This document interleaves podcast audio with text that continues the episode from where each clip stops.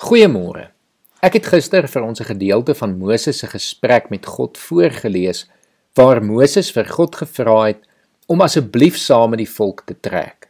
Moses het egter nie daar gestop nie. Hy wou nog meer van God gehad het en daarom vra hy of hy God kan sien.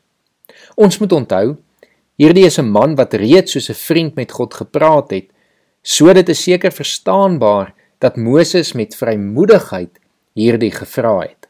Ek lees dan vir ons uit Eksodus 33 vanaf vers 18 tot en met 23 oor wat God vir Moses geantwoord het. Toe sê Moses: "Laat ek tog net u magtige verskyning sien." Maar die Here sê: "Ek sal al my voortreffelikheid voor jou laat verbykom en ek sal die naam die Here vir jou uitroep, want ek betoon genade aan wie ek genade wil betoon en ek ontferm my oor wie ek my wil ontferm. Vir my kan jy nie sien nie, want geen mens kan my sien en bly lewe nie. Die Here het verder gesê: Maar hier by my is 'n plek waar jy op die rots kan staan. As ek in my magtige verskyning verbykom, sal ek jou eers in 'n rotsskeer sit en jou met my hande toemaak totdat ek verby is dan sal ek my hande wegvat sodat jy my van agter kan sien. Niemand mag my gesig sien nie. God kom Moses tegemoet, maar hy maak dit ook baie duidelik dat selfs Moses sal sterf as hy God van aangesig tot aangesig sien.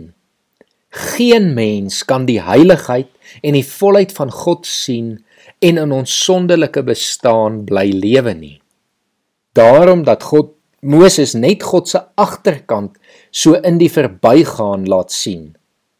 Nietemin moes dit steeds 'n wonderlike ervaring gewees het om in God se hande toegevou te gewees het en God te kon sien. Sou jy nie ook graag God wil sien nie?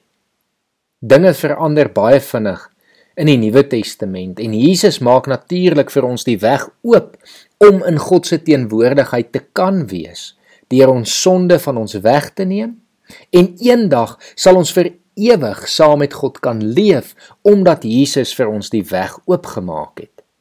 Daarom ook dat Jesus in Matteus 'n belofte gemaak het vir die wat rein van hart is. Toe hy in die bergrede gesê het: "Geseend is die wat rein van hart is, want hulle sal God sien." Daar wag dus 'n ongelooflike ontmoeting tussen gelowiges en God wanneer ons hom sal sien in sy volle en magtige teenwoordigheid. Maar tot en met dan moet ons leef met rein harte wat God dien in al ons doen en late. Kom ons bid saam. Here, dankie dat ons kan uitsien na die dag wat ons U gaan sien, Here. Here, dit is eintlik te groot vir ons breine om in te dink, maar ons weet dit gaan 'n absolute wonderlike belewenis wees. Here, tot en met dan wil ons graag leef met rein harte. Ons wil U dien in alles wat ons doen. En Here, ons wil streef na U heiligheid. Here, want U het gesê: "Wees heilig, want ek is heilig." Help ons vandag daarin.